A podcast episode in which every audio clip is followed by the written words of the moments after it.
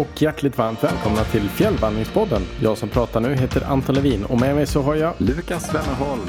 Tillsammans gör vi, precis som vanligt, en podcast för dig som är intresserad av fjäll, vandring, vintertur och kanske lite, lite klättring. Och nu sitter vi här igen på varsin kammare. Lukas, hur är läget? Jo, men det är riktigt bra. Vi eh, kör till en senare kvällsinspelning idag. Men eh, jag känner mig taggad. Gött. Vi sitter ju här eh, mitt i veckan. Mitt i veckan, det är måndag. Den eh, tuffaste mm. dagen på veckan. ja, men precis kommit igång. Kände det. Idag var en tuff måndag, men det är ju det är ganska rimligt för att på fredag går jag på julledighet. Det här kanske kommer ut efter jul, men eh, det är väl många som känner att det kan dra ihop sig när det väl börjar närma sig. Alla planer ska liksom gå i lås samtidigt. Jo, precis. Jag kan tänka mig att vi har säkert många lyssnare som kanske liksom bävar lite inför julen och att det ska bli liksom eh, tufft. Det är så mycket ja, men liksom planering som ska falla ihop och sådär. Men för mig så är det ju tvärtom. Det är bara eh, frihet några dagar att, eh, att få ha lite kul och sen hem och hälsa på familjen och göra som man vill och, och sådär. Så det är lyxigt. Ja, det blir samma för mig. Hemma och hälsa på familjen. Så det blir, då kan man inte göra så mycket annat än att bara, bara vara. Lite lättare än att vara hemma nästan. Eh, hur ser det ut? Eh, finns det någon, någon vinter nere i Skåne? Om jag har förstått rätt så har det varit några dagar ganska kallt mm. och lite snö. Men eh, nu tror jag att det har, om, om inte helt försvunnit, så på väg att försvinna helt. Ja, nu är det kört. Men det är bra, då kanske man kan komma ut och springa lite och slippa springa i snömodden. Ja, precis. precis. Annars är det så man får ta med så här rullgrusskidorna. Mm. Perfekt. Mm. Åka, i, åka i leran. Vi kom ju hem till full vinter men eh, tanken var ju att smygstarta vintern lite genom att uh, åka till Abisko en sväng. Ja, visst, vi har varit och isklättrat. Som uh, den som har lyssnat på vårt podd ett tag sedan vet att vi tycker om att göra under, under vintern. Och jag måste ju säga att i Abisko var det ju verkligen vinter. Så där, där hade temperaturen sjunkit och rejält med snö fallit. Vilket var väldigt kul att se. Ja. Komma bort lite från hösten. Och sådär.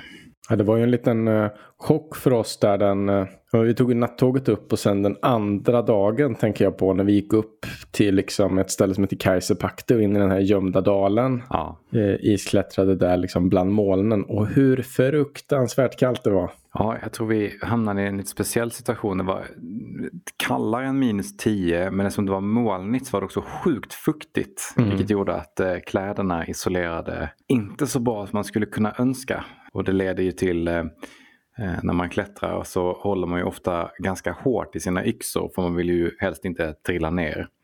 Och det har en tendens att göra att allt eh, blod inte, inte strömmar så bra i fingrarna och de kan bli rejält kalla. Ja, det var, det var en, en smärtsam dag på liksom hyfsat, hyfsat ofarlig smärta. Men ja. Ja, nej, det, var, det var ganska tufft. Men uh, smäll rätt i ansiktet. Men temperaturen, var, vad kan det ha varit? Kan det ha varit så här runt minus 12 kanske? Ja, kanske. Jag, jag, tror, jag tror att uh, enligt prognosen skulle det vara minus 15 som kallast den dagen. Mm. Men det var ju liksom, det var ju där när vi började gå och sen så stiger solen lite och det blir varmare under dagen. Så ja, Ja, så det borde inte varit så farligt. Minus mm. 10, minus 12 där, det brukar mm. ju vara ganska bra temperatur att klättra i. Eh, eller i allmänhet att vara ute i på vintern. Det är, inte, mm. det är inte blött så att det smälter och sådär men det är samtidigt inte för kallt så att man mm. fryser allt mycket. Men eh, den här dagen så lyckades vi få en fuktig och kall dag så då, då mm. var det kallt i alla fall. Det, men den första dagen när vi kom upp så gjorde vi en riktig turistgrej. Vi bodde ju liksom på SDF, där SDF Abisko och klättrade ner den här jocken. Precis, och för den som inte vet så, så finns det en um, SDF håller prova på isklättring i jättenära Abisko fjällstation. Den brukar kallas för Jocken men det är en liten ravin som, som finns en liten bit bort. Där det finns en sprängd tunnel för vattnet. Och där bildas varje år en, en is som är lämplig att antingen värma upp på eller att prova på att klättra. Mm. Den är rolig. Så är man i Abisko kan jag, vid rätt årstid kan jag rekommendera att göra det. Ja, man står ju väldigt bra liksom skyddat från väder och vind och sådär. Så att det kan man ju säkert, eh, jag vet inte hur lätt det är liksom att spontana sig in där. Men jag tänker om man är uppe av någon annan anledning och så visar det sig vara dåligt väder så kanske man säkert hoppar på och prövar där. Ja, det är så bra, bra grej vid dåligt väder. Vi pratade med någon där som hade bokat in prova på klättringen att de håller baden om det är inte allt för kallt och inte allt för dåligt väder. Så, Ja, att, inte okej. folk ska, så att inte folk ska stå och frysa Mm. arslet av sig och inte tycka det är roligt att klättra. Ja, så det är inte som vi den här vår eh, liksom tredje dag när vi eh, sätter oss i bilen där vi, det är Abisko och eh, ja men det blåser lite men så här man kan ändå se, se framför, se vanten i luften liksom. Och så bilar vi iväg, kör vi liksom, ja men vi åker väl eh, 15-20 minuter mot riksgränsen. Ja. Och när vi kommer dit så är det ju liksom eh, full storm. Ja, det var eh, rejält motigt när man liksom kollar ut genom bilfönstret och ser hur det är så här rejält med drevsnö som, som bara blåser i ganska hög hastighet förbi fönstret. Och så tittar man upp mot, mot fjällsidan där, där isarna ligger och ser att det är ju ganska, det är ju en liten bit att gå. Och det ser ju inte särskilt välkomnande ut. Nej, och man känner också det här stickandet i kinderna. Från liksom vinden och alla iskristaller. Ja, nej. Men eh, vi har ju ändå gått upp tidigt och eh, vi är, det är inte särskilt ofta heller vi är i Abisko för att klättra is. Så att eh, vi ger ju oss ändå upp mot isarna. Eh, och har ju den här gången faktiskt lite tur får man säga. Vi valde en is som låg, vad ska man säga, bakom en annan klippvägg så att den hamnade lite i lä. Vilket var jätte, jätteskönt. Det var ju tillräckligt mycket med yrsnö och, och liksom sådär ändå. Så att det, ja. Ja, men vi hade ganska, ganska okej där liksom. Jag fick se någon eh, video från någon av de andra klättrarna som var med här uppe och eh, som hade klättrat på en annan is. Och där ser det, såg det desto mer blåsigt ut. Så alla hade inte här samma tur som vi hade. Jag tror att det var samma dag som vi var och gjorde det här så var det några andra som klättrade där som vi var någon dag tidigare vid Kaiserpakte. Som lyckades utlösa en lavin Mm. över sig då. Det var ju lite, lite så här omskakande ändå. Ja, det är ju inte att leka med det där. En av anledningarna till att man åker till Abisko just i, i november, som när vi var där, eller i slutet på november, början på december, är ju att det är så pass tidigt på säsongen att eh, det har inte hunnit bli så mycket snö. Så lavinrisken är ganska liten. Eh, och det går att gå till de flesta isarna utan att behöva ta på sig skidor eller snöskor. Men eh, den här gången så hade det väl kommit lite mer snö eller framförallt blåsigt och drevat in så pass mycket snö till en specifik plats att det blev lavinfarligt i alla fall. Precis, så det är det. Snön kan ju leta sig in i lite grytor här och var. Mm.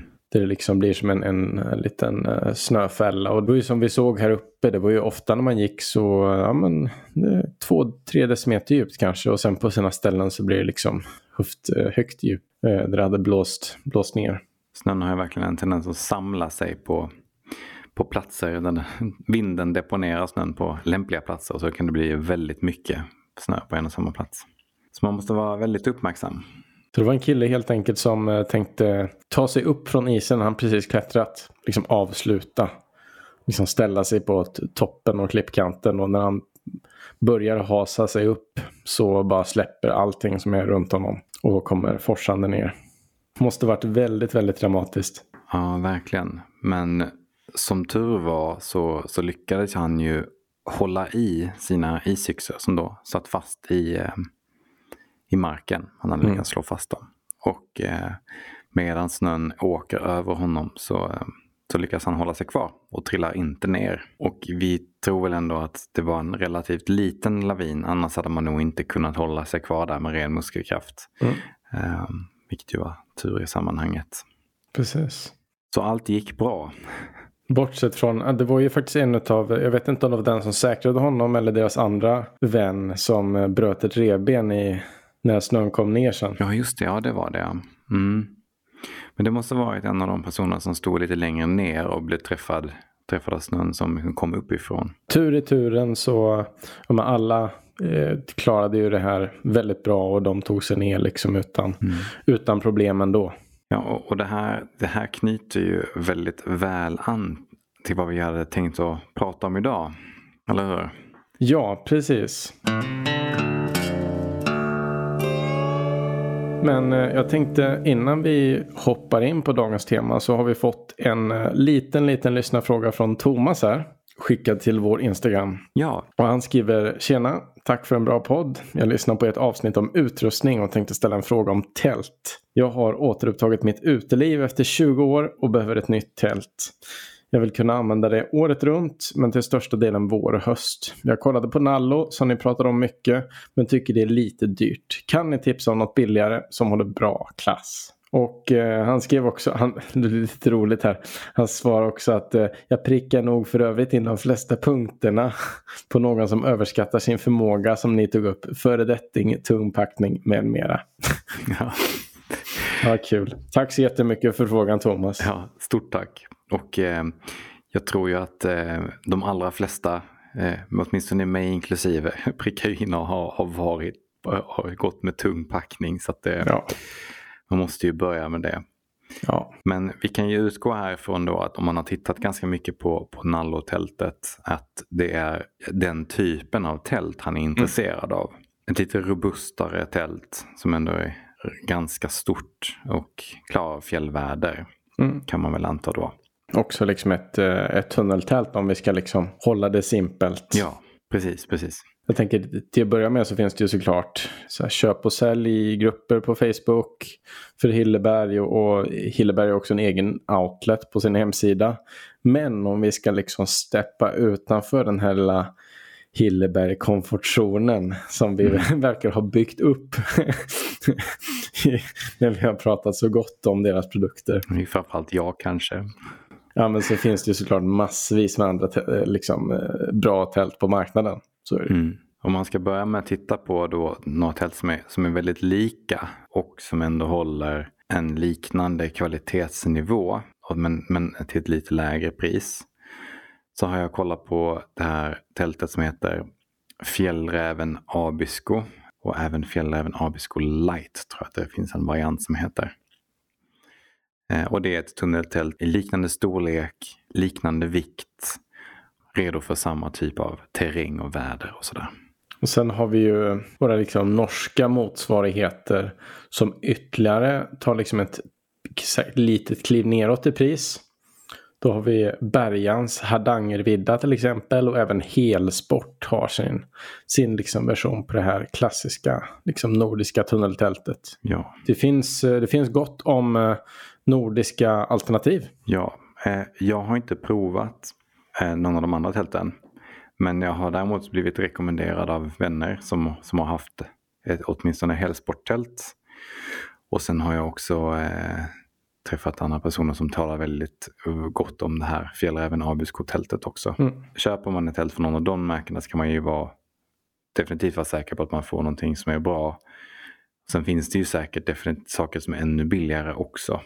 Du har väl lite mer så här, eh, lite lättare mindre tält Anton som, eh, som kanske kan passa om man är ensam. Ja, men jag, just när det kommer till tunneltält. Jag hade faktiskt eh, back in the day. Mitt första tunneltält var faktiskt ett från eh, Out Norths eget märke. Och det tyckte jag funkade väldigt bra. Mm. Sen så började det var något ställe där den här innertältsväven började släppa lite. Så då fick jag det reklamerat via dem. Ja, Eh, och så liksom, ja, men bytte jag upp mig till ett annat tält. Så, ja, men, så här, syfel kan ju ske för vilket märke som helst, så är det. Och köper man ett billigare tält så kommer det ju kanske ha gått genom mindre produktkvalitetskontroller och sådär. Jag vet inte, Mm. det är bara någonting man kanske får förvänta sig. Jag tänker en reklamation för att det är något syfel på ett ganska billigt tält. Det är inte helt orimligt att få förvänta sig, tänker jag. nej men det händer ju. Det som kanske Hilleberg man säger, är mest kända för är ju att de har ju en, en outstanding kvalitet på sina tält. Eh, De håller ju väldigt, väldigt länge. Man kan ju se ett Hilleberg-tält som säljs begagnat som, som är tio år gamla som knappt är billigare eh, och dessutom antagligen är fullt, fullt lika bra som de var från början. Så köper man ett av de lite billigare tälten så tror jag man kan fortfarande vara trygg med att de funkar alldeles utmärkt när man är ute på fjället. Men risken är väl kanske att de slits lite fortare. Och sådär. Mm. Men man får väl göra en avvägning helt enkelt hur, hur, hur pass mycket billigare man vill gå.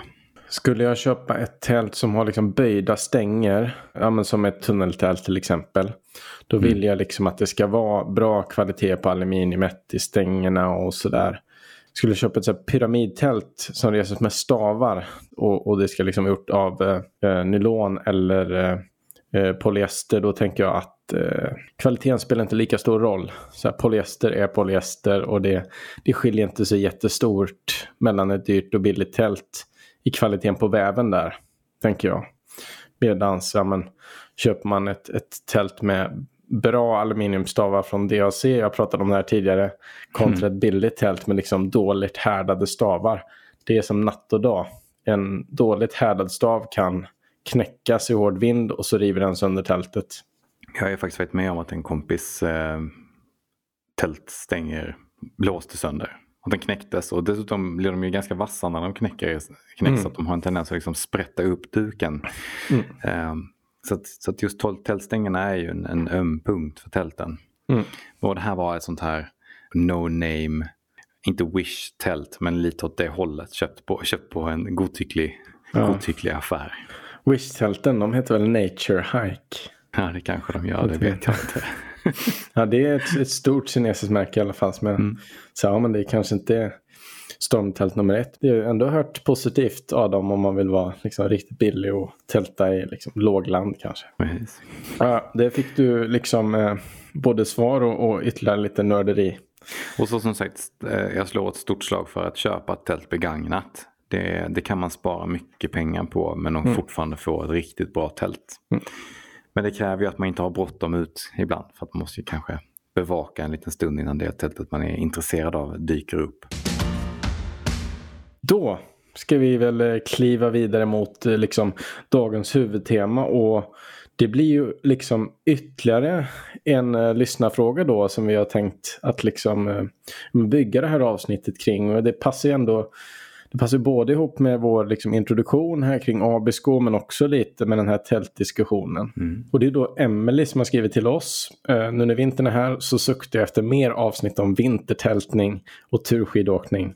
Ni är den enda podden som pratar om detta på djupet upplever jag. Ni kanske skulle vilja prata mer, ännu mer nördigt om fjällsäkerhet, tankar vid val av skidor, bra nybörjarturer, packning för stugturer etc. Ja, och eh, det blev väl ett eh Lite mer eh, utrustningsnörderi men kanske med fokus på eh, vintergrejer då. Och även, även vad, vad som är bra att tänka på vid val av tur och liknande. Precis, och jag tänker att eh, för er som å, tänker åh nej vinter, nu vill inte jag lyssna mer. Då säger jag bara vänta en minut. För jag tänker vi börjar med eh, de här bra nybörjarturerna. Ja. Så kan ni åtminstone lyssna på dem. Och så kan ni googla dem och fundera över Scanteprova ändå. Jag kan verkligen rekommendera att gå ut på vintern. Det är fantastiskt. Det är så vackert eh, i fjällen på vintern på ett helt annat sätt än vad det är på sommaren. Kan jag uppleva när det är bra väder. Ja, det är, ja jag kan bli lite tårögd när jag ser de eh, liksom, mm. snötäckta fjällen. Ja, det är... Och speciellt när, när man börjar se solen också igen eh, på vårvintern. Och de liksom blänker. Det är ju en av de första sakerna man kan fundera på när man väljer sin tur är ju när man ger sig ut. Um, för att man behöver ju inte ge sig ut på en vintertur mitt i kallaste vintern där i januari och februari utan man kan ju mm. välja mm. att gå ut lite senare när man börjar närma sig påsk och strax innan mm. påsken när det är den här vårvintertiden och det, det fortfarande kan vara hyfsat, det är hyfsat mycket snö men det kan vara lite varmt och ganska mycket sol och framförallt många ja. soltimmar jämfört med eh, januari där det kan vara väldigt många få soltimmar. Och tack vare det stora snötäcket så kan det ju liksom i fjällen bli varmare än vad det är ja, men nere i södra Sverige på grund av all reflektion. Ja just det. Det händer ju att man ser folk gå i skidor eh, i t-shirt. Ja, och ibland precis. till och med helt bara överkropp och liksom solar sig i reflektionerna för att det är så varmt och skönt. Ja. Men eh, sådana dagar kanske, är, det kanske inte tillhör majoriteten såklart, men de finns. Ja, jag har upplevt eh, kort, kortärmat eh, dag på fjället några gånger mm. i alla fall. Ja, det är skönt. Om man inte ska välja väder, eller om man inte har möjligheten att välja väder så, att eh, börja med vintertur och pröva då kan man liksom plocka en, ett blad ur Sebastian som gästade oss bok. Eh, och eh, börja med lågland. Eller vintervandra i lågland. Ja, precis. Men då, då inte gå på skidor utan vandra som med vanliga, vanliga kängor. Ja. Och längs vanliga leder. För att även, även lågland är ju väldigt vackra när det är täckt i snö. Mm. Och det är värt att vara ute och det är skönt att vara ute. Sen så när man råkar stöta till den där granen och det bara forsar ner liksom 10 kilo snö i, i nacken då, då blir man lite trött på sig själv. det händer ju, men det kanske inte är de flesta dagarna det är så. Mm. Men om vi ska fokusera på mitt mer så här vinterfjällsturer så är ju någonting som kanske sätter stopp för många att man inte har utrustningen som behövs. Mm. Och vi kommer att prata lite mer i detalj om vad för typ av skidor och sådär eh, man, man, man vill ha, vad man vill köpa, vad man kan tänka på. Eh, men innan man gör in, sitt första inköp av skidor så är det supersmidigt att hyra. För Det kan man göra på eh, flera av STFs fjällstationer. Jag gjorde min första vintertur vid STF Grövelsjön jag hade köpt ett par turskidor men vi hyrde också ett par stighudar där. Mm. Gjorde vi. När vi kom dit, vi kom dit mitt i natten. Och det var ju, jag hade med mig en sovsäck för minus 18 och det var minus 23. Och jag mm. kan säga att det var en, eh, det var en lite tuff natt. Mm. Nu säljer du det bra Anton. ja, precis. Nej, men näst, nästa dag så hade vi en så fantastisk sol och en riktigt, riktigt, riktigt fin dag. Eh, gav oss ut på liksom en tur. Så vi, bara, vi tältade där vid SDF, eh, Grövelsjön. Eh, gav oss ut på fjället. Eh, gjorde en topptur på ett fjäll. Och hade en riktig kanondag. Och så gick jag in och hyrde ytterligare ett liggunderlag. För det var framförallt underifrån jag blev kall. Eh, så då kunde jag liksom kompensera upp med det. Hade en jättegod natt, natt nummer två. Och vi, liksom, vi, unnade oss, eh, eh vi unnade oss en riktig lyxfrukost innan vi körde hem där eh, sista dagen också. Om man prövar och dessutom, ja, men, man kan ju bo på de här SDF-boendena. Man kan också pröva att tälta eh, under liksom, ja, men väldigt säkra förhållanden i närheten av en av de här eh, fjällstationerna eller, eller fjällstugorna. För skulle det mot, mot förmodan vara så att man inte klarar av en natt så går det ju alltid att gå in på, mm.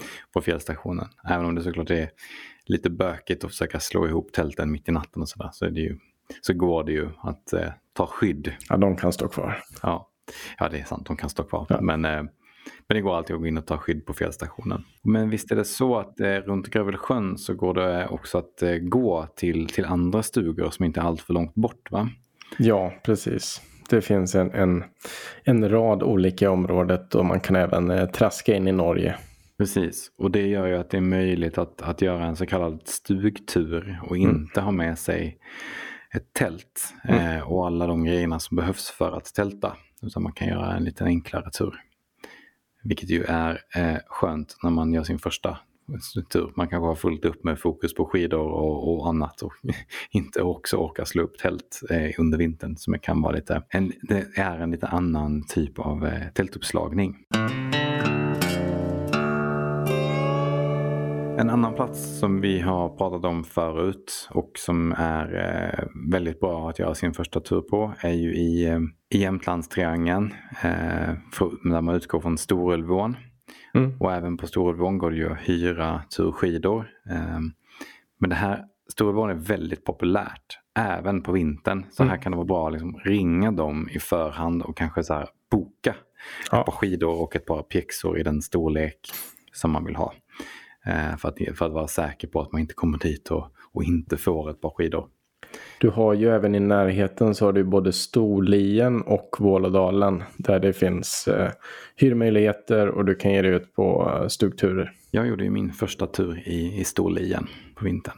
Man kan ju ta sig ända upp till Abisko och Riksgränsen. Till Björkliden till exempel som är väldigt populärt. Ja. Ge sig ut där och sen så ja, till exempel Hemavan.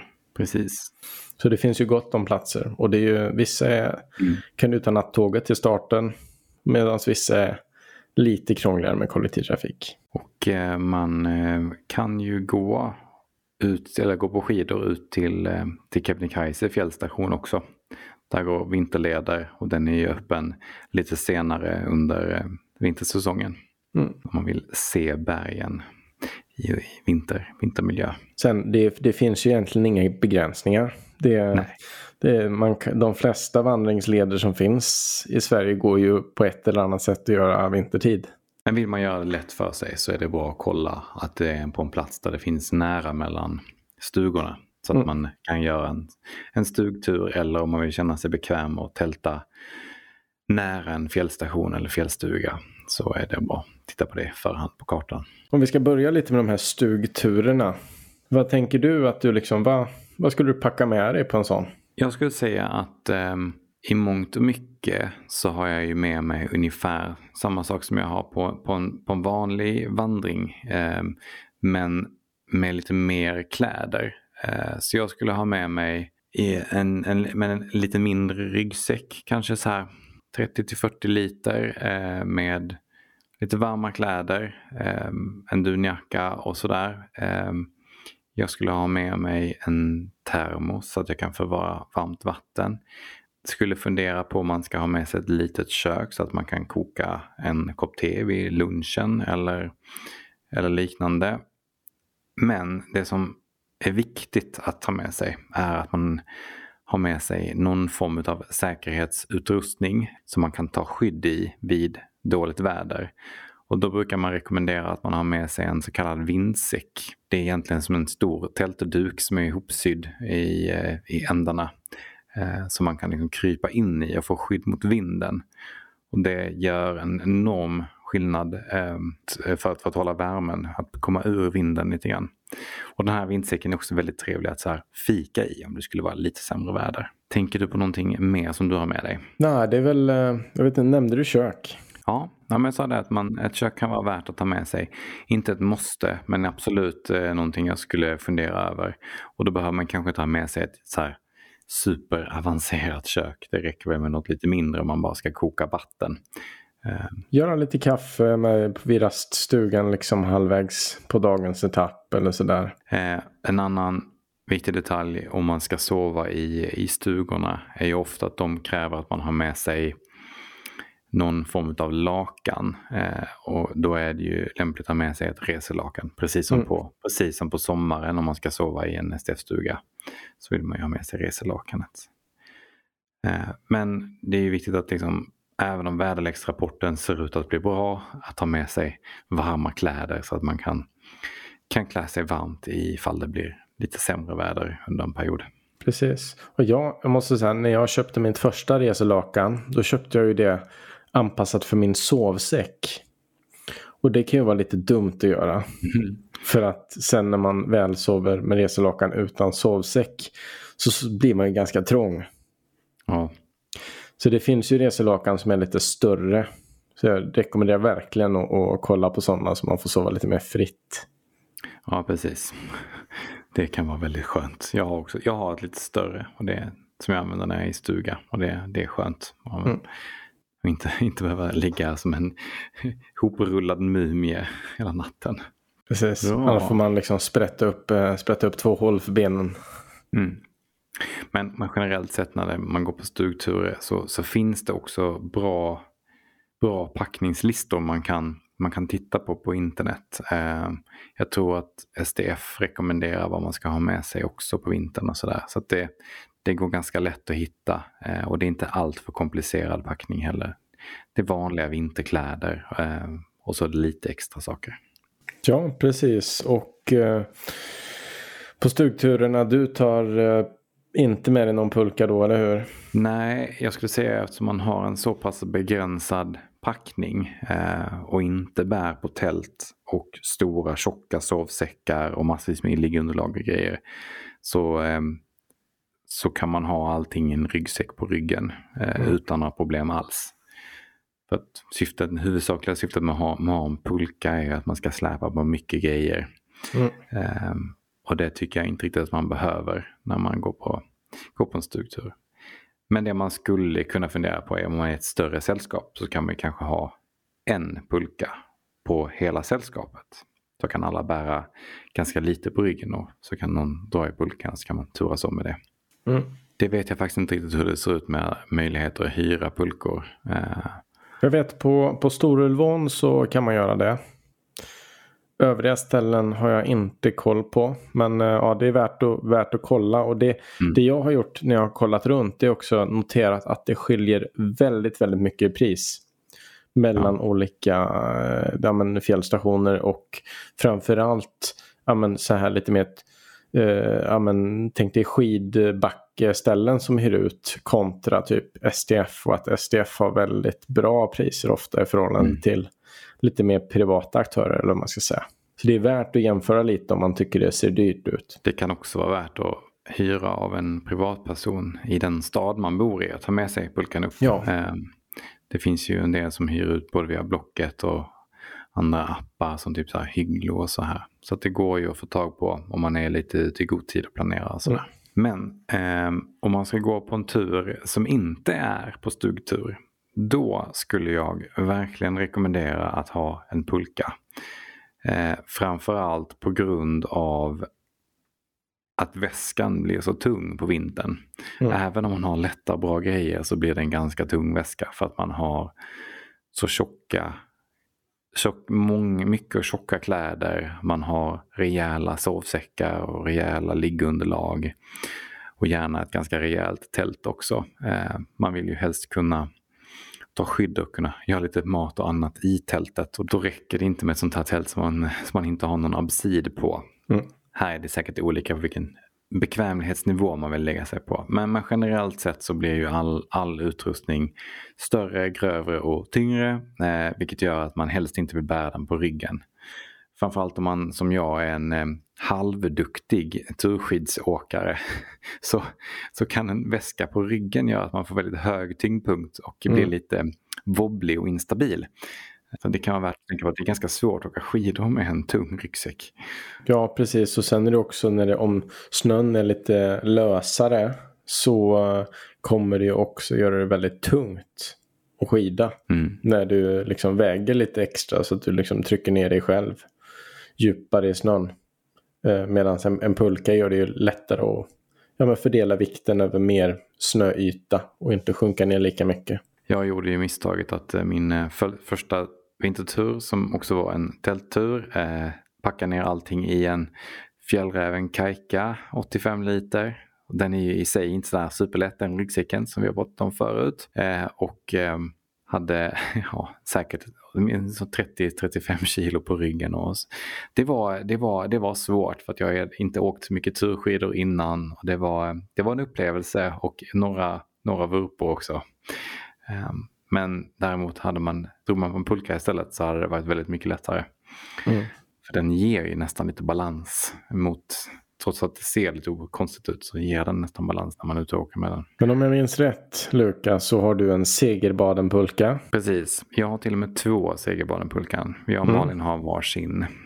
En i trä och en i plast. Kanske? Ja, glasfiber är den Glasfiber. Mm. Precis. Eh, båda inköpta begagnade.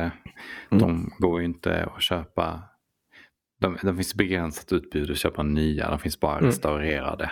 Eh, även om han som, det finns en kille som fortfarande driver Segerbaden. Men eh, de är svåra att få tag på nya. Mm. Eh, men de säljs i ganska stor utsträckning begagnat faktiskt. Och det känns ju som att de flesta pulker som kommer ut på marknaden idag är antingen gjorda av plast eller så är de gjorda utav eh, någon typ av Det har kommit ut en del som är gjorda av eh, liksom vad ska man säga eh, Gummi slash tyg. Ah, Okej, okay. lite mjukare varianter. Ja, precis. Mm. Ja, men tänk dig som en sån madrass man åkte på i lågstadiet liksom. Ja, ja de var precis. ju väldigt eh, glidiga. Kan tänka mig. Men de, de kanske slits lite mer för det händer ju att man åker över en och annan ja. sten ibland. Ja. Då, då kanske den blir lite ledsen. Men det är spännande. Det vore kul att prova lite annat. Precis, och det är ju, det är ju det, eh, ett svenskt litet företag som heter Mulka som har gjort en sån pulka. Mm. Så det skulle vara jättespännande att få, få prova den eh, i mm. framtiden. Mm. Så vi får se om vi kan lyckas med det. Men annars har vi ju eh, ja, men, även svenska tillverkaren Segerbaden som vi pratade om. Och sen har vi ju Jämtlander också. Som de, jag tror att de gör plastpulkor. Eh, ja, det tror jag. Och sen finns ju norska fjällpulken. Ja, precis. Det är ju den, det skulle jag säga, det är den stora, största av dem alla känns det som. Det är den stora försäljaren just nu, men de, mm. de tar rätt bra betalt för sina pulkor. Mm. Så det, det, det svider lite att uh, bara titta på att köpa en sån. Mm. kan jag tycka. Uh, men men i, i korthet om man ska prata om de olika materialen så träpulkorna är ju fina. Men de väger ganska mycket och de mm. kräver en del underhåll för att inte gå sönder eller bli alltör tunga att dra på. Det är pulk pulkarnas kajka. Lite så, mm. men, men jag skulle verkligen säga att de går att använda. Vi har en mm. träpulka och den är ute och åker varje år. Så att, eh, det, det går fint, fint att använda en träpulka. Du har ju också en Anton som du har lagt ja. mycket tid på att restaurera och gjort fin. Ja. Glasfiberpulkorna, det kanske går att köpa någon ny. Jag tror till exempel att fjällpulkan har någon glasfiberpulka. Mm. Men, men eh, de är ju mycket, mycket lättare mm. eh, och glider väldigt bra. Så att, eh, kan man köpa en sån så skulle jag nog ändå rekommendera att gå på glasfiber eller plast idag. För att man sparar så pass mycket vikt. Och underhållet för den delen. Mm. Men de kanske är svåra att laga. Sen det finns ju en rad olika isfiskepulker också som man ser folk använda. Mm. Ofta då med att de kör med någon typ av rep eller sådär som medar istället och släpar, släpar pulkan med. Uh, som, ja, det verkar ju funka. Jag tror, eh, ska man åka med rep och inte någon skackel så, så får man eh, tänka över hur man ska göra i nedförsbacke så att man inte mm. blir påkörd av sin pulka. Man får ja. väl åka med den framför sig på något vis. Men det blir nog eh, betydligt svårare eh, att åka med en, eh, en pulka som inte sitter fast. Ja. Men eh, som sagt, folk lyckas ju så att det ska nog gå. Ja, absolut. Ska vi hoppa vidare och titta lite på skidor kanske? Ja.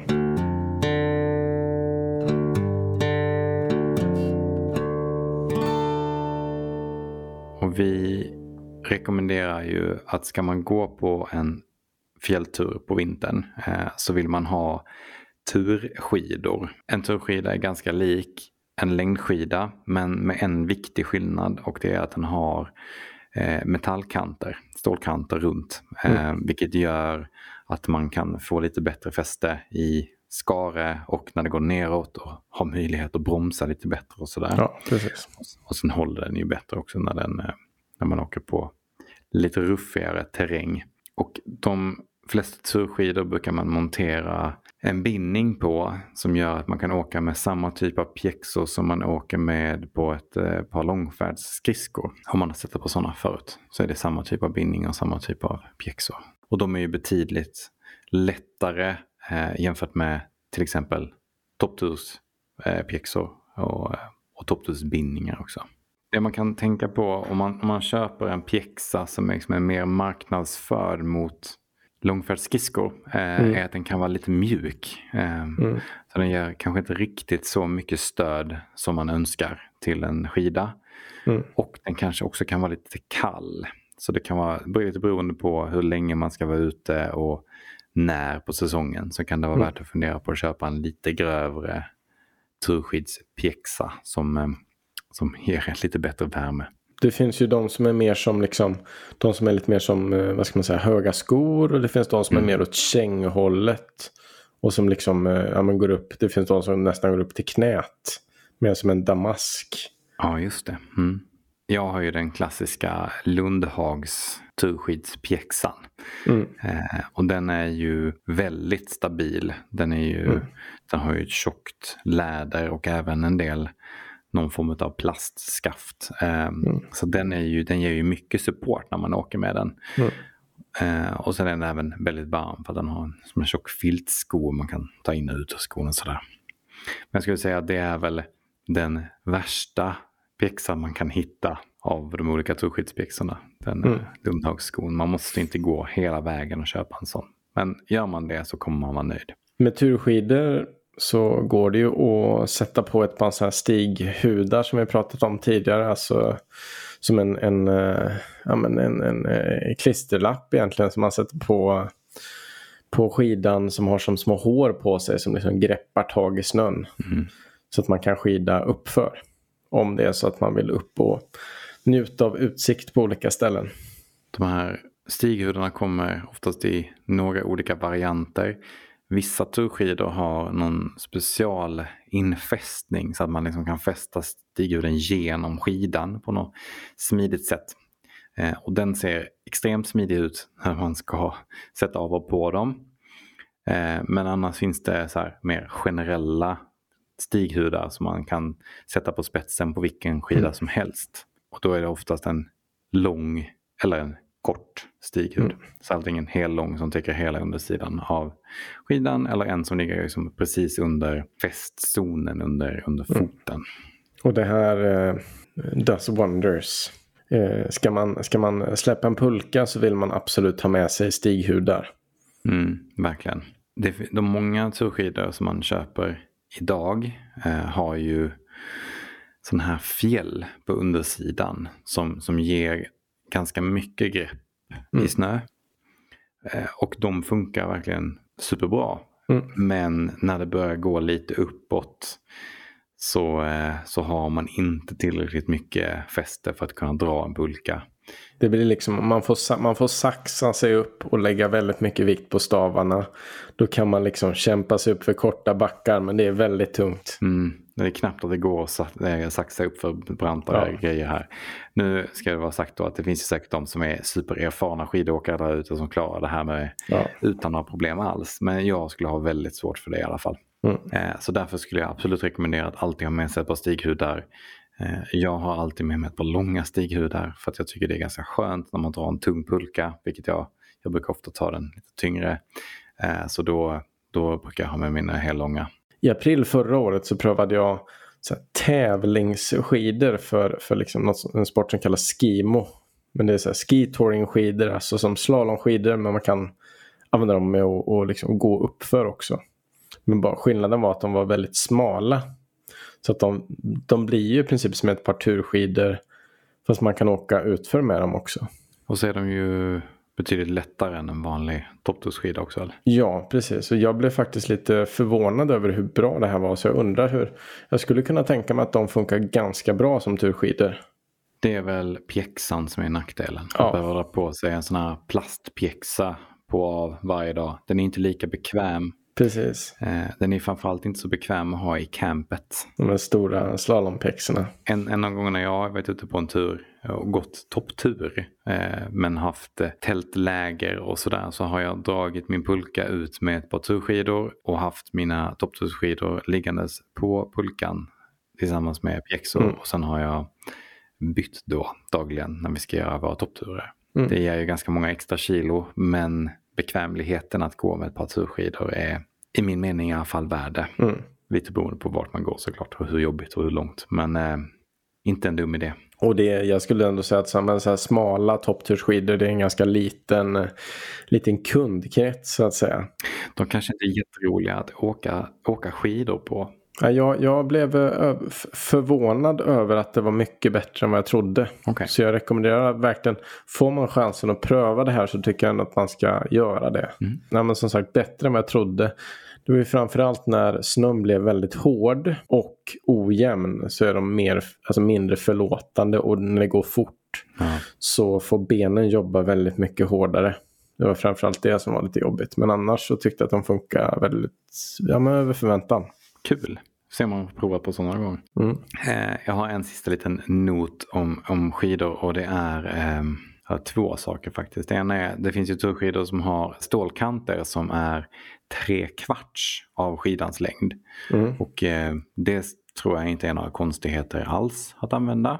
Så det kan man gå för. Den andra är att eh, kanske undvika att köpa på allt för långa skidor. Jag har på ganska långa skidor och jag tycker de är lite vanskliga att åka med. De blir liksom ska man saxa med dem så måste man gå väldigt brett med benen och sådär. Så att, eh, ja. Ja, man, man, ska ändå tänka sig för så man inte köper på allt för långa skidor. Um, så mm. kanske inte köpa något som är längre än vad jag själv är. Utan hålla sig till lite kortare. Jag tycker någonstans att så här, kärnan i det här med att ge sig ut på vintern det är ju värmen. För det är någonstans det, den som avgör om man kommer lida eller inte. Verkligen. Eh, och det är kanske också den saken framför allt som gör att man drar sig för att inte ge sig ut på vintern. Att man är rädd för att frysa. Mm. Och det här går det ju verkligen att råda bot på, skulle jag säga. Ja, precis. Ja, dels genom eh, aktivitet men också genom eh, kläder. Ja, aktivitet och kläder kan ju också vara det som skapar, eh, gör att det går åt skogen genom att man blir för varm. Precis, så det gäller verkligen här att ha ett smart sätt att eh, klä på sig och klä av sig. Och det finns väl egentligen bara ett rekommenderat sätt att göra det här på. Och det används ju sommar som vinter, klättring som skidåkning. Det är ju... Det så kallade lagersystemet. Precis. Och det betyder ju helt enkelt att man har någonting tunt, ett underställ mm. underst. Och att man sen kan eh, ta av och på sig en fleecetröja, en dunjacka. Man kan ta av och på sig det man har på benen om man blir för varm. Man kan ha på sig isolerade byxor och man kan ha på sig ett skalställ. Och det, men alla de här olika plaggen har ju liksom lite olika funktioner. De inre plaggen, ja, men understället och fleecetröjan. Det är, liksom, det är plagg som är hyfsat, eh, som inte värmer super, eller isolerar supermycket.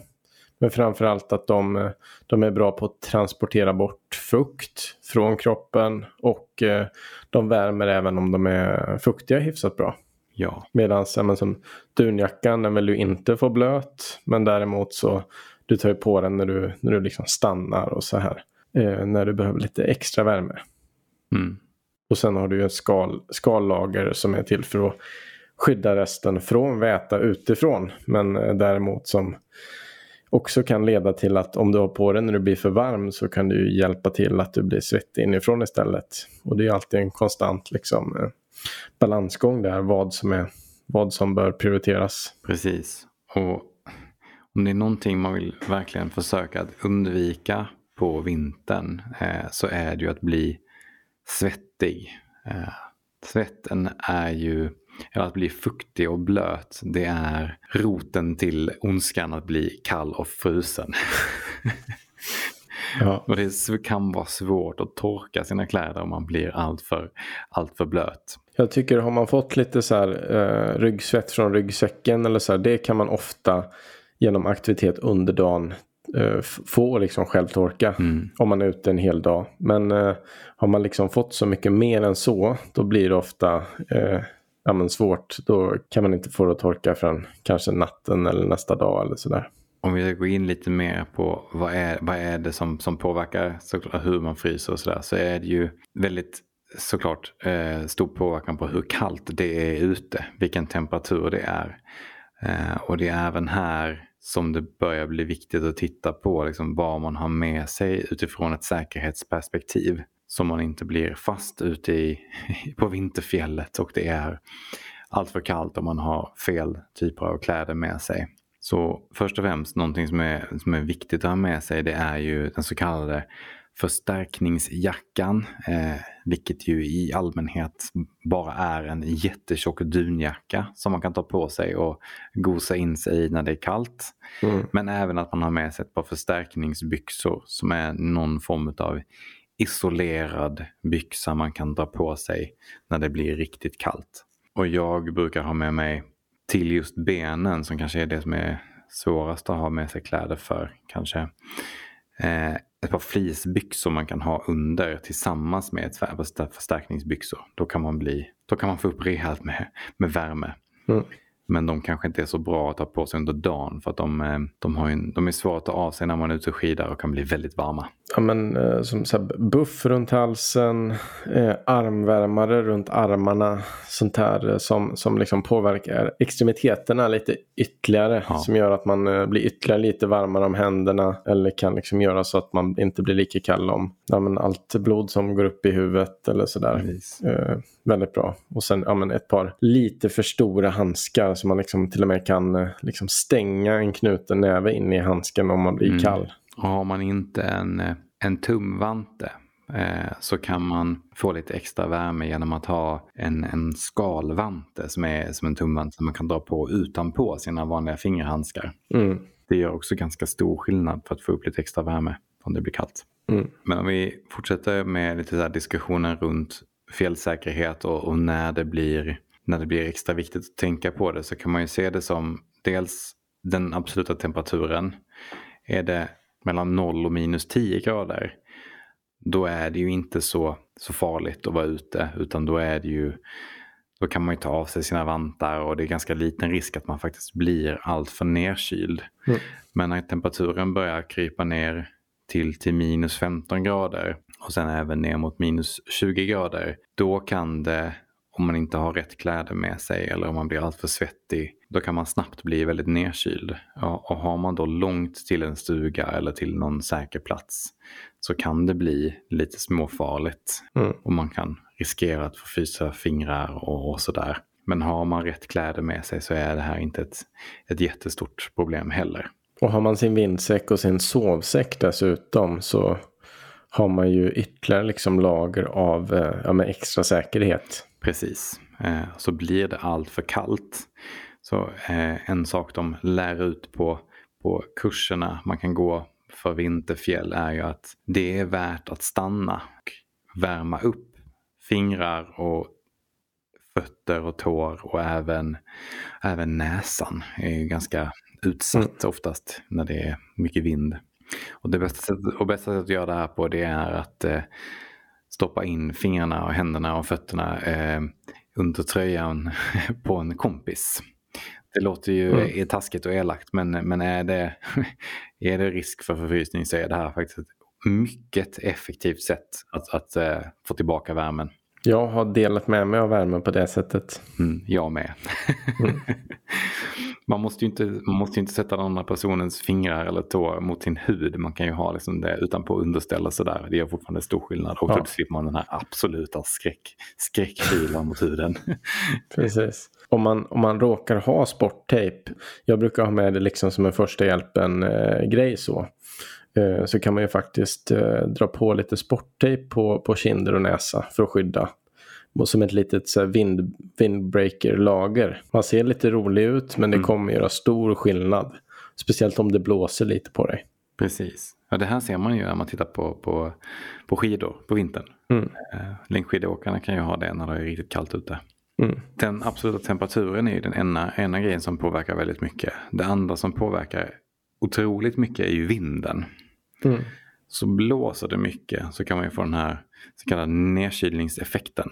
Vilket gör att den upplevda temperaturen och hur mycket, hur mycket man blir nedkyld av kroppen kan bli betydligt större än de här minus eh, 20 graderna som det står kan liksom upplevas som minus 30, minus 40 och minus 50 grader beroende på hur mycket det blåser. Så är det riktigt låga temperaturer om man ser på väderleksrapporten att det ska vara ganska eh, ruffigt väder, då kanske man ska fundera på om man verkligen ska ge sig ut. För att det kan bli, det kan bli väldigt, väldigt kallt när det blåser mycket.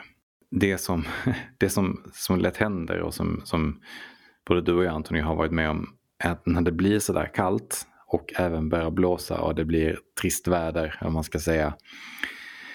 Då kan man börja slarva med att äta. Man stannar inte för en snacksbreak och man, så här, man, vill, man vill liksom bara man vill liksom bara komma fram, man vill bara fortsätta och det är mm. liksom jobbigt att ta av sig ett lager för att sätta på sig någonting varmare och det är ja, man, man, man, drar sig för att göra saker när det blir kallt för att det blir, allting känns lite som ett, eh, ett krig och man, man, man blir nedkyld och får stanna kan man uppleva. Men det är jätteviktigt att man fortsätter att liksom, stoppa i sig lite mat så att man kan hålla värmen. Och att man faktiskt stannar och tar på sig mer kläder. Även om det innebär att du måste ta av dig skaljackan för att få på dig en tjockare dunjacka. Mm. Det kanske blir några sekunder av kallare. Men det är värt det när man sen blir varmare. Ehm, så att inte börja slarva med det där bara för att vädret börjar bli lite, för att det känns lite jobbigt att, mm. att stanna och äta eller stanna och byta om. Det viktigaste någonstans ändå när man ger sig ut, om man ska fundera på det ur ett säkerhetsperspektiv, eh, det är ju någonstans den kunskap och erfarenhet man har med sig ut. Eh, och även den kunskap och erfarenhet som de med andra människorna man ger sig ut har. För desto mer, desto mer kunskap man har och desto fler platser man har besökt och desto mer man har varit med om desto mer förberedd är man ju för att hantera olika situationer. Eh, så blir det kallt och blåsigt eller vädret blir lite utsatt eller någon någon kanske får skavsår så att man är tvungen att stanna trots att det är dåligt väder och sådär. Så har man då en, en gedigen erfarenhet bakom sig eller har med sig åtminstone någon annan som har varit ute i, i liknande situationer förut så blir det ju också säkrare. Eh, och man vet, man har med sig någon som man vet kan hjälpa en att ta rätt beslut när det är dags. Så är man ny ut på vintern så kanske det är klokt då att välja en, en, en led som är lite lättare, där man har närmare till säkerhet. Mm. Och, och allt eftersom att man har varit ute mer på vintern så kan man börja ge sig ut på turer som, som är mer utmanande. Men eftersom man har en högre kunskapsbas och en högre erfarenhet så är det fortfarande inte så är det fortfarande säkert att ge sig ut på dem. De här eh, liksom, eh, platserna vi pratade om i början ja, men Vålådalen och, liksom Grövelsjön och ja, men, eh, Jämtlandstriangeln till exempel. Här finns det ju gott om liksom svenska både rast och nödstugor och det finns fjällstugor. Och så här ser det ofta ut till liksom svenska fjällkedjan. Och att det, det är hyfsat lätt att ja, men med hjälp av fjällkartor eh, kolla i förväg och se hur leden går och vart raststugor finns. Mm. Även många länsstyrelser och även STF som har liksom bra kartor på sina hemsidor där man kan se vart man kan stanna, vart man kan ta lite skydd och sådär. Och det kan vara, inte bara att det kan vara utan man bör eh, använda de här hjälpmedlen för att planera sin, eh, sin tur. Så att man vet vart kan jag söka mig skydd, vart finns närmaste hjälptelefon till exempel. Många av de här nödstugorna har ju en, en, en inbyggd satellittelefon i sig. Och det visas tydligt på, på kartan vilka av stugorna som har en telefon. Det är en liten telefonsymbol. Mm. Eh, så det är bra att veta det innan man går ut. Hur, hur frekvent det är med diverse olika nödutrustning och säkerhetsutrustning. Om man ska prata lite så här om vad de lär ut på de olika kurserna eh, som man kan gå. Man kan gå vinterfjällskurs eller en del går i den här eh, fjällledarutbildningen och liknande. En av sakerna de lär ut på många av de här kurserna är att man ska lämna en färdbeskrivning. I korthet så innebär det att du ska tala om för en person som inte är med ut på ditt äventyr vart du ska gå, eh, vilken är din planerade tur, hur många dagar du är ute och ungefär eh, vilka platser du kommer besöka vid vilken tid. Mm. Och Syftet med det är att om du inte dyker upp efter x antal dagar eh, på den platsen där du tänkt att dyka upp på. Så ska det finnas någon som kan larma fjällräddningen, höra av sig till 112 och säga eh, att du har försvunnit eller din grupp har försvunnit av någon anledning. Och det här är, det här är jätteviktigt att man gör så att man inte ger sig ut, framförallt om man ger sig ut själv och ingen annan vet var du är någonstans, då kan det mm. vara riktigt farligt. För sannolikheten att någon råkar hitta dig någonstans i fjällkedjan, den är ganska liten och ingen vet var du började någonstans. Under eh, tonvis av snö. Precis. Um, så det är ju det viktigaste. Men sen kan man också fundera över eh, om det är värt att ha med sig någon form av kommunikationsutrustning. Eh, mm. Eller ha en uppfattning om vart det går att eh, kommunicera. För det finns mobiltäckning på vissa platser. Mm. Så vet man att man ska passera en plats någon gång under sin resa eh, så kanske man ska planera in att ja, men jag hör av mig när vi kommer till den här och den här platsen någonstans mitt på resan så att någon kan se att ja, ja, men de har kommit så pass långt och, vet att, och då vet vi att de är säkra och att de har si och så många dagar kvar tills de är färdiga. Ja, jag tycker rör man sig efter eh, nej, stora stråk med ja, men norma normala distanser mellan stugor och det finns eh, nödtelefon emellan. Ja, det, det kommer ju funka ganska bra. Eh, du kanske, ja. inte har, eh, kanske inte har telefontäckning mer än var tredje dag eller sådär. Om du har tur. Eh, men däremot så kommer det finnas alternativ för, liksom, eh, för att kommunicera om det nu behövs. Men framförallt så har du ju liksom, ja, men du har tryggheten ganska nära. Du har eh, förhoppningsvis välmarkerad vinterled. Du har, eh, både du och jag har ju en sån här GPS-telefon som vi, ja. eller satellitkommunikationsgrej som man kan använda när man är ute. Men eh, det ska ju inte säga att det är någonting man behöver skaffa för sin första tur. Utan det är det är väl när man är mer ger sig ut på någonting lite längre. Jag har ju också med den ut mycket som en, eh, som en säkerhetsgrej när vi är och klättrar på lite remote. För att där kan det ju ske andra typer av olyckor. Precis. Jag är ute ensam mycket. Så att då tycker jag att det, då vill jag ha ytterligare ett lager av säkerhet. Och en annan grej runt den här, den här färdbeskrivningen så lärs det även ut att man ska lämna att man ska skriva i gästböckerna i de här små vindskydden och även på eh, fjällstationerna. Att man har varit där och sen vart man ska. Och syftet med det är ju att eh, fjällräddningen skulle kunna finna var någonstans längs din tur som du försvann. Och här är jag faktiskt lite osäker på exakt vad man rekommenderar och när man ska skriva i de här. För man måste kanske inte göra det när det är strålande solen en vårvinterdag i april. Eh, utan det här är ju från, det är kanske någonting man får fundera på när och hur man ska göra. Jag tänker, har man, har man ingen tidsnöd så kan man göra det för att det är trevligt. ja, men precis, precis. Ta vad vi säger här om du nu ska ge dig ut på din första tur och läsa på lite om just den där grejen. För jag är, jag är lite osäker på exakt vad man rekommenderar idag. Jag tänker att eh, förhoppningsvis så har ni alla ett eh, eget och gott omdöme och så varken jag eller Lukas är ju liksom fjällutbildare eller fjällledare Nej. utan vi, vi, eh, ja, det är våra egna reflektioner och vår egen erfarenhet som, som liksom dras till att dra de här slutsatserna helt enkelt. Precis.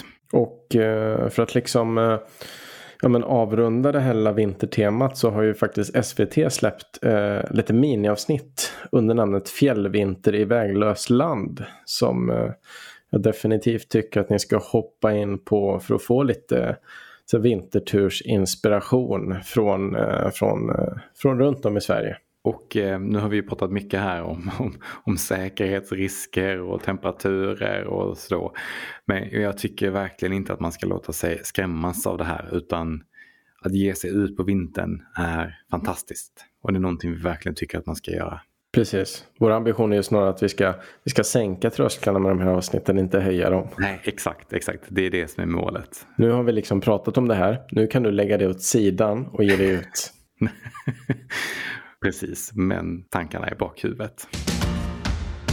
Och eh, nu vet vi inte riktigt när det här avsnittet släpps men vi eh, antingen eh, liksom i förskott eller i efterskott så vill vi önska er alla en riktigt god jul och ett gott nytt år. Verkligen. Vi tänker väl att eh, Eh, liksom, eh, vi är tillbaka någon gång i, i, januari med nya avsnitt. Det är planen. Men eh, tills dess så kommer vi ha lite ledighet. Ni får helt enkelt se fram emot vårt nästa avsnitt. Efter en mm. liten, lite längre paus. Precis, så ni som eh, inte vill vänta så ligger det några extra på Patreon. Så ni kan alltid hoppa in där. Jajamän.